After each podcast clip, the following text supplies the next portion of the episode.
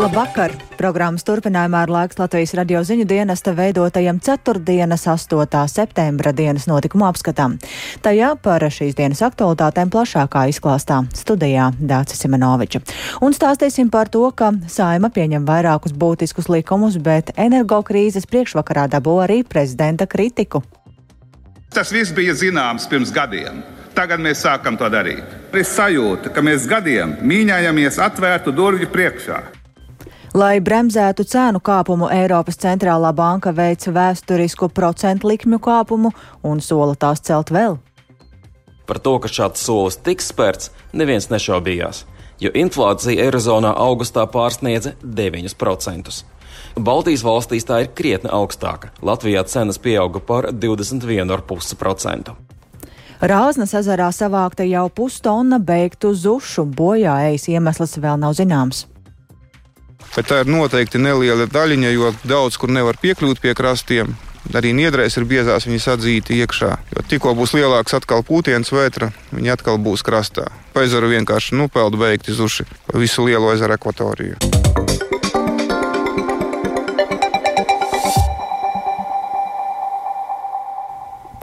Un vispirms par to, ka gada laikā cenas Latvijā ir pieaugušas vairāk nekā par piekdaļu, jeb 21,5%. Tā liecina centrālās statistikas pārvaldes dati.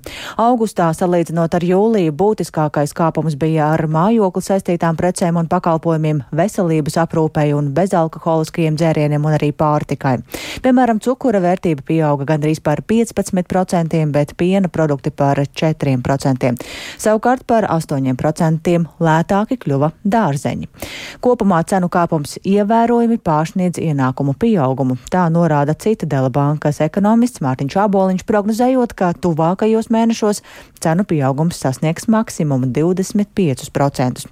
Ar Aboliņu sarunājās Viktors Demīdovs joprojām neatspoguļojas eh, tās dabas gāzes cenas, kādas šobrīd ir um, Eiropas tirgos. Enerģijas šobrīd tarifi ir nu, vēl tāda viena liela lieta, kas nu, sagaidāms eh, septembrī, oktobrī daudzās pilsētās Latvijā augs. Liksim, no informācija, kas pieejama augs ļoti būtiski, pat ar visu valsts atbalstu. Tas visticamāk um, varētu būt pietiekama. Tā inflācija, diemžēl, aiziet līdz um, 25%. Tad tas nozīmē, ka tuvāk ziemai situācija valstī pasliktināsies. Es domāju, ka drīzāk jā, diemžēl. Protams, ka nu, mēs īsti nevaram prognozēt, kas notiek ar enerģijas cenām Eiropā, bet to, ka visticamāk mums kaut kāda ekonomikas lejupslīde ziemā būs uz kādu brīdi, tas ir diezgan droši. Jautājums, ka, protams, cik dziļi, cik ilgstoši, tur, tur ir ārkārtīgi daudz nezināmie faktori. Pārtiks cenām mēs redzam, ka pasaules cenas šobrīd ir nedaudz normalizējušās. Tam vajadzētu tuvākajos mēnešos varbūt jau sākt nedaudz arī parādīties mums veiklos nav vairs tā, ka tā, tā inflācija aug tikai un, un, un pilnīgi visur. Aizņemšanās kļūs dārgāka un vairāk būs jāmaksā arī par banku kredītiem, jo, lai mazinātu inflāciju, Eiropas centrālā banka būtiski ir palielinājusi galveno bāzes procentu likmi. Tā pieaugs par 0,75% punktiem līdz 1,25%, un tas ir straujākais kāpums Eirozonas vēsturē.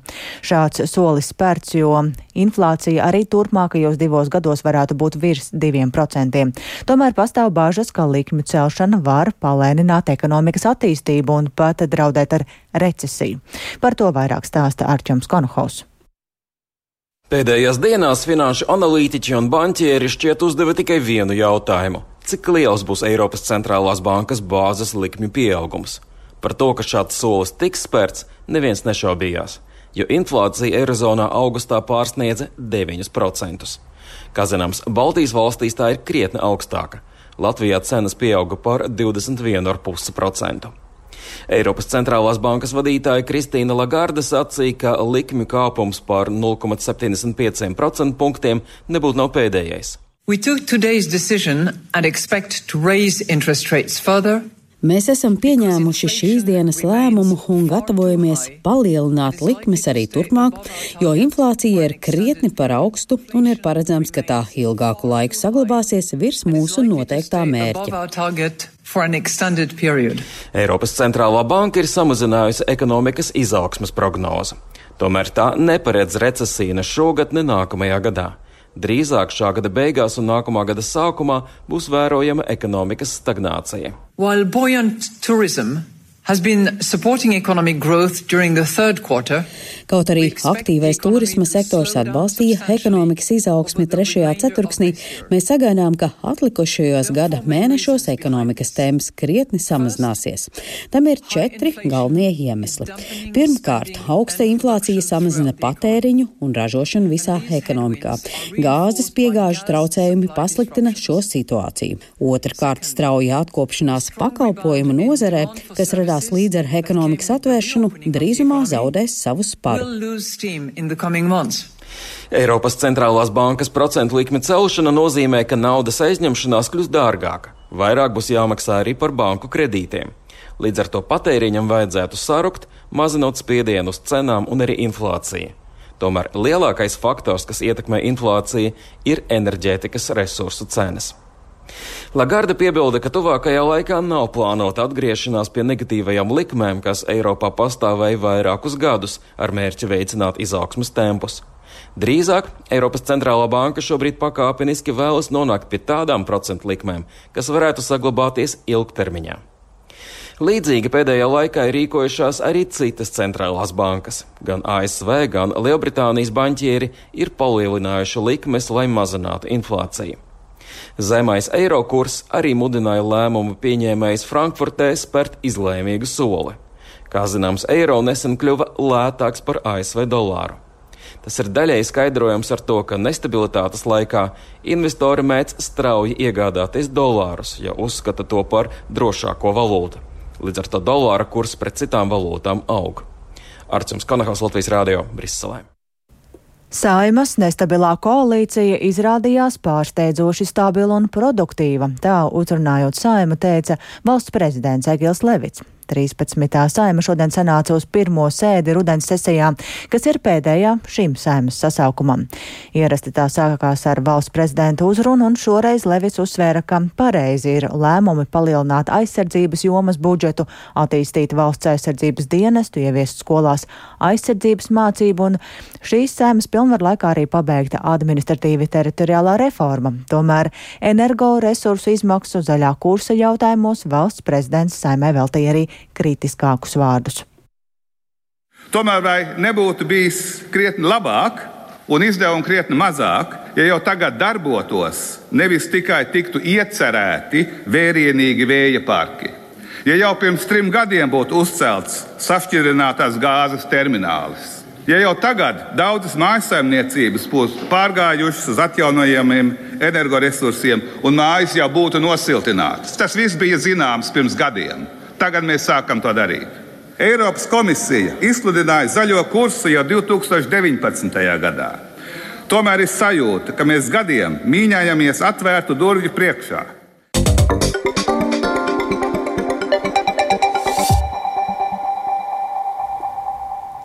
Latvijā pakāpeniski līdz 2025. gadam pāries uz mācībām tikai valsts valodā. To paredz otrajā lasīmā saimnes deputātu vairākuma atbalstītie grozījumi izglītības likumā. No nākamā gada 1. septembra pašvaldības un privātu personu dibinātajās pirmsskolas izglītības iestādēs mācības notiks valsts valodā. Tāpat šāda kārtība būs vispārējās izglītības pamat izglītības programmās 1., 4. un 7. klasē. No 2024. gada 1. septembra savukārt savukārt 2., 5. un 8. klasē, bet no 2025. gada 1. septembra 3., 6. un 9. klasē. Pārējie uz mācībām latviešu valodā attiecināma uz 17% pedagoģu un 24% skolēnu, kuri apgūst mazākumu tautību pirmsskolas un pamatizglītības programmu. Vēl gan likumu izmaiņas ir jāpieņem galīgajā lasīmā. Savukārt steidzamības kārtā saima pieņēmusi valsts prezidenta Egila Levita rosinātos grozījumus Latvijas pareizticīgās baznīcas likumā. Ar tiem grib paredzēt nodrošināt baznīcas pilnīgu patstāvību un neatkarību. Pašas baznīcas viedoklis aizvien gan nav zināms, un vairāk par to interesējās Jānis Kīncis. Ir pildīts saimas frakciju vadītāja solījums valsts prezidentam nekavēties noteikt Latvijas pareizticīgās baznīcas neatkarību no ārvalstīs esošu baznīcu varas. Kopš otrā pasaules kara līdz šim Latvijas pareizticīgā baznīca darbojusies zem Maskavas patriarchāta, taču tas paudis nedalīt atbalstu Krievijā valdošajam režīmam un šīs valsts brutālajai karadarbībai Ukrainā. Ar jauno likumprojektu Maskavas patriarchāta ietekmi paredzēts izskaust. Ar šīm likuma izmaiņām Latvija neskar un neiejaucas baznīcas ticības mācības un kanonisko tiesību jautājumos, uzsvēra saimnes juridiskā biroja vadītāja Dina Meistere. Pilnīgi noteikti šim likuma projektam ir jākalpo par skaidru un nepārprotamu valsts dotu signālu Latvijas pareizticīgās baznīcas tiesībām būt neatkarīgai un patstāvīgai. Bet būtu ļoti svarīgi, ka komisija uzklausītu arī pašas baznīcas viedokli. Tomēr Latvijas pareizticīgās baznīcas pārstāvji par likuma izmaiņām publiski neizsakās arī pēc lēmuma pieņemšanas saimā. Likuma izmaiņas paredz vairākus jaunus noteikumus. Par baznīcas galvas, metropolītu, arhibīskapu un bīskapu iecelšanu vai atcelšanu no amata rakstveidā būs jāpaziņo valsts prezidenta kancelējai. Šāda kārtība ļaušot pārliecināties, vai amatā ievēlētā persona atbilst visām normatīvo aktu prasībām un nacionālās drošības interesēm. Latvijas pareizticīgajai baznīcai jau līdz oktobra beigām būs savi statūti jāsaskaņo ar likuma grozījumiem par baznīcas statusu. Par likuma izmaiņām skeptisks ir profesors Valdis Tērautkalns no Latvijas Universitātes teoloģijas fakultātes. Viņš uzsver, ka nepieciešama pašas baznīcas iniciatīva. Mēs nevaram mainīt cilvēku domāšanu un tradīcijas ar kaut kādu dekrētu palīdzību. Tikai tad, ja tas nāks no pašas baznīcas, tad var kaut kas mainīties. Un arī tad realistiski skatoties, domāju, ka būtu Ukraiņas scenārijs, kurā daļa ticīgo Un arī tāpat kā Igaunijā, viņi piekristu šai atdalīšanai no Maskavas patriarchāta, un citi nē, draugs dalītos. Bet uh, līdz tam vēl ir tālu, un mēs runājam vienkārši hipotētiski par to šobrīd. Parlamentārieši šajā jautājumā plašās debatēs neieslīga. Deputāts Aleksandrs Kirsteins no Nacionālās apvienības atgādināja, ka Latvijas pareizticīgā baznīca pirmās brīvvalsts laikā līdz otrajam pasaules karam jau bija neatkarīga. To atjaunojot, sagaidāmi vairāki lieli uzdevumi. Ir jāatjauno tātad šīs draudzes, ir jāatjauno dievkalpojumi latviešu valodā, ir jāveido seminārs, kur sagatavo priesterus latviešu, kur tiek izdot reliģiskā literatūra un jāatjauno starptautiskie sakari ar tām baznīcām, ar kurām uh, Latvijas pareizticīgai baznīcai konstatēt pilsētas patriarhija bija sakari pirms kara. Tātad milzīgs darbs. Latvijas pareizticīgās baznīcas neatkarību balsojumā atzina 73 parlamentārieši, bet pret likuma grozējumiem balsoja opozicionāris Jūlijas Stepaņenko, Ļubova Švecova un Karīnas Prūda. Atturējās pie frakcijām nepiedarošais deputāts Ainārs Vilciņš. Jānis Kincis, Latvijas radio.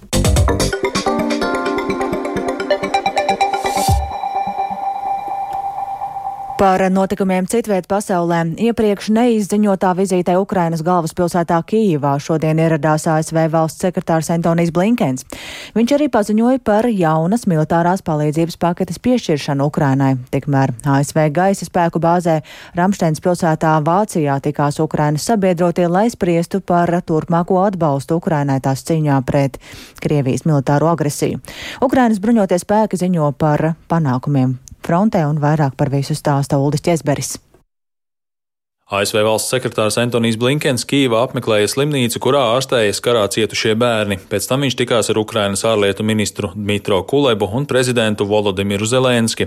Blinkens informēja, ka ASV Ukrainai piešķirs papildu militāro palīdzību 1,7 miljārdu dolāru apmērā. Tā paredz nosūtīt Ukrainai ASV ražotus ieročus, munīciju un ekipējumu 675 miljonu dolāru vērtībā, kā arī piešķirt Kīvai aizdevumu 1 miljārda dolāru apmērā amerikāņu amerikāņu bruņojuma iegādēji. Blinkens norādīja, ka Ukraina ASV piešķirto militāro palīdzību izlieto liederīgi, par ko liecinot Ukraiņu armijas sekmes karā pret iebrucējiem no Krievijas. Savukārt ASV aizsardzības sekretārs Lloyds Ostins šodien Ramšteinā vadīja kārtējo Ukrainas sabiedroto valstu pārstāvju tikšanos. Viņš sacīja, ka pašreizējie notikumi frontē apliecina, cik būtiska Ukrainai ir rietumvalstu militārā palīdzība. Ukrainas armija ziņo, ka tai ir izdevies atbrīvot vairāk nekā 20 apdzīvotās vietas vietas Harkivas apgabalā, kur tā īsteno pretuzbrukuma operāciju. Apvienotās karalistes valdnieces Elizabetes II veselības stāvoklis ir satraucošs, tā atsaucoties uz viņas ārstiem ir paziņojusi Bekingemas pils. Elizabete II pašlaik atrodas savā Skotijas rezidencē Balmorāls pilī, kur ārsti nepārtraukti novēro viņas veselības stāvokli. Pie karalienes atrodas arī viņas bērni un mazbērni, turpina Uldis Česberis. Karaliskās ģimenes pārstāvji informēja, ka ārsti ir rekomendējuši nodrošināt Elizabetei II nepārtrauktu medicīnisko uzraudzību, bet neatklāja, cik nopietns ir valdnieces veselības stāvoklis. Otradien Elizabete II Balmorāles pilī uzņēma aizejošo premjerministru Borisu Džonsonu un apstiprināja amatā jauno valdības vadītāju Līzu Trasu, taču vakar viņa atcēla tikšanos ar savu vecāko politisko padomnieku pēc tam, kad ārsti karalienei ieteica atpūsties. 96 gadus vecās Elizabetes II veselības stāvoklis pasliktinājās pirms aptuveni gada. Viņai ir grūtības staigāt un stāvēt.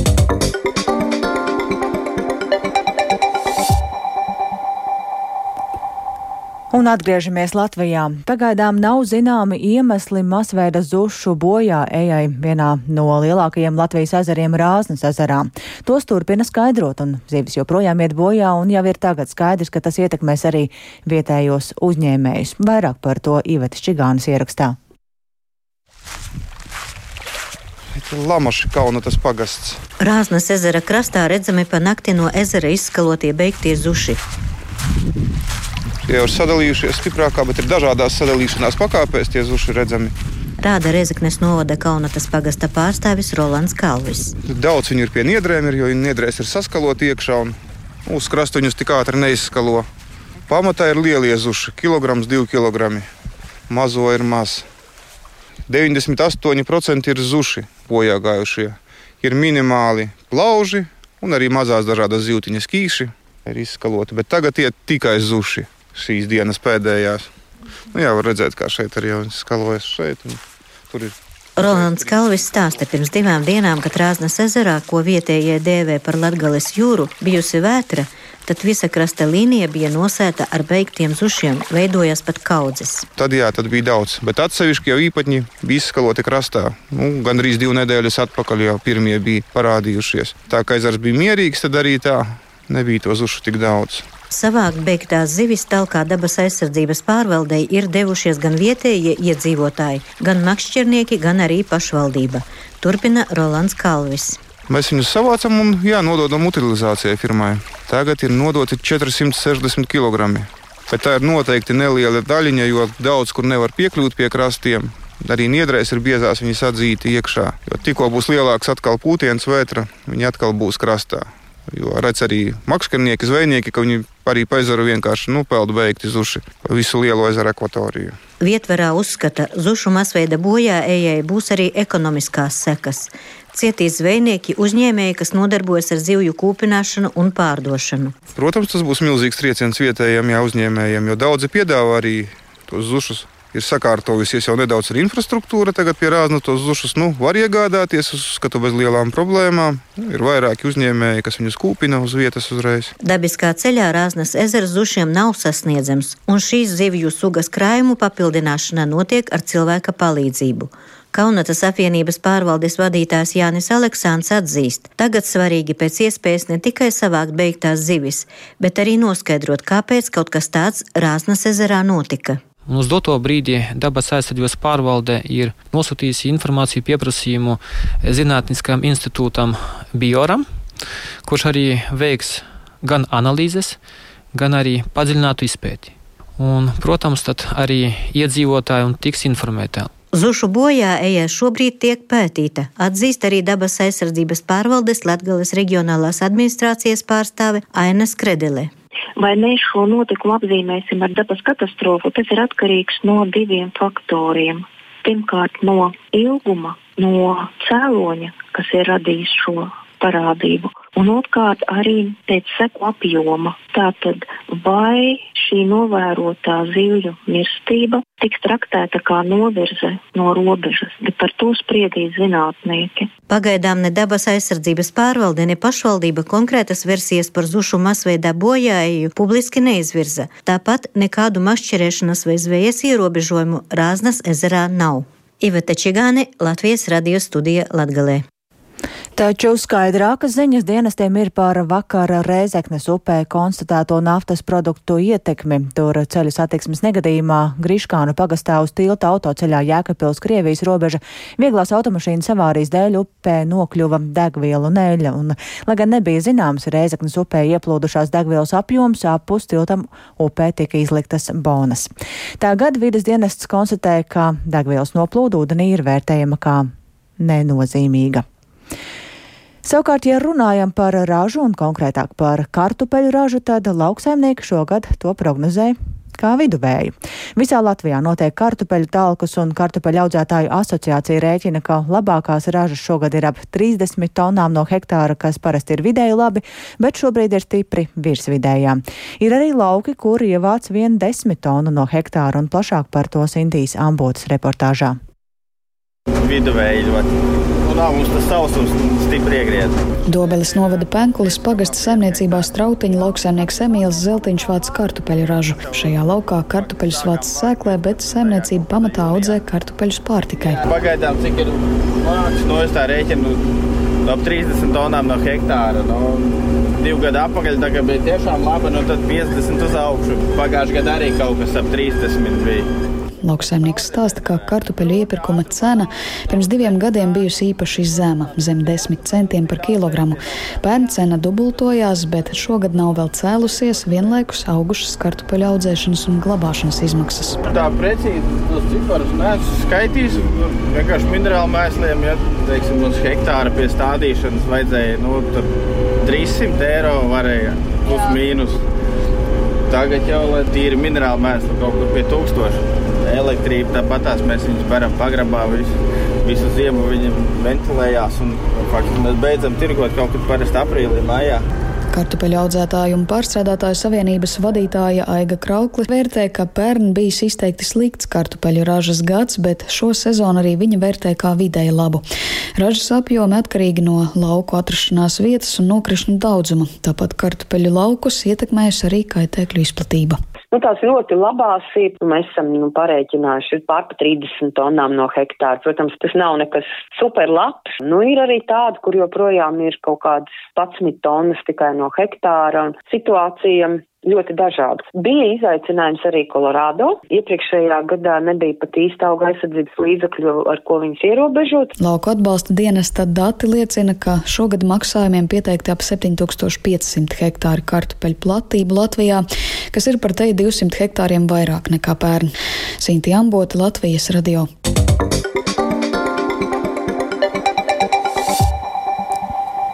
Rāgavas un kā manas ziemas braucamrieki senajā latviešu sētā jau vairākus gadus ir pētījuma objekts etnogrāfiskā brīvdabas muzeja vēsturniecei Unai Bērentei. Un viņas pētījuma un arī muzeja bagātais ziemas braucamrieku krājums ir pamats jaunai izstādē, par to turpina Bērente. Mums ir vairāk kā 130 vienības, un apmēram aptuveni arī puse ir ziemas šie slieču transporta līdzekļi. Gluži kā mūsdienās, tas ir tā pašsaprotami. Mēs iekāpjam mašīnā un aizbraucam. Jā, arī 18. un 19. gadsimtā tieši tik vienkārši tas bija. Mēs iekāpām kamanās un aizbraucām. Ja mums nebija kamanu, mums bija ragavas. Izstādē skatāmi gan vēsturiskie braucamrīki, gan arī pašas bērentes izgatavotās ragavas un arī to detaļas, ko viņa darinājusi ciešā sadarbībā ar koku amatnieku Jāni Ķipēnu. Sākotnēji man likās, ka esmu gana daudz analizējusi un pētījusi rakstītos avotus un literatūru, ka man tas būs viegli, ka nu pat es visu māku. Nu, Cik gan sarežģīti varētu būt izliekt vienkārši slieci. Nu, mēs ņemam katlu, metam iekšā, vāram, liecam, dzīve ir skaista. Nē, tā nav. Izrādās, ka tas ir ārkārtīgi sarežģīts, laikietilpīgs process. Mans kolēģis var apstiprināt, mēs vēl šorīt smējāmies, ka pirmajos liekšanas mēģinājumos mēs pieļāvām, man liekas, visas iespējamās kļūdas. Un ar to izskan dienas notikuma apskats producents Edgars Kupčs, ierakstus montēja Kaspars Groskops par labskaņu rūpējās Īvetes Vēniec un studijā Dācis Semenoviča. Vēl īsi par svarīgāko. Saima pieņem vairākus būtiskus likumus, bet energokrīzes priekšvakarā dabū arī prezidenta kritiku. Lai bremzētu cenu kāpumu, Eiropas centrālā banka veica vēsturisku procentu likmju kāpumu un sola tās celt vēl. Rāznas ezerā savākti jau pustonna beigtu zušu bojā Ejas iemesls vēl nav zināms. Mūsu ziņām var sekot līdzi arī Latvijas radio viens Facebook lapā, arī LSMLV un tāpat arī raidierakstu platformās. Atrodami esam kā dienas ziņas un arī Latvijas radio mobilajā lietotnē.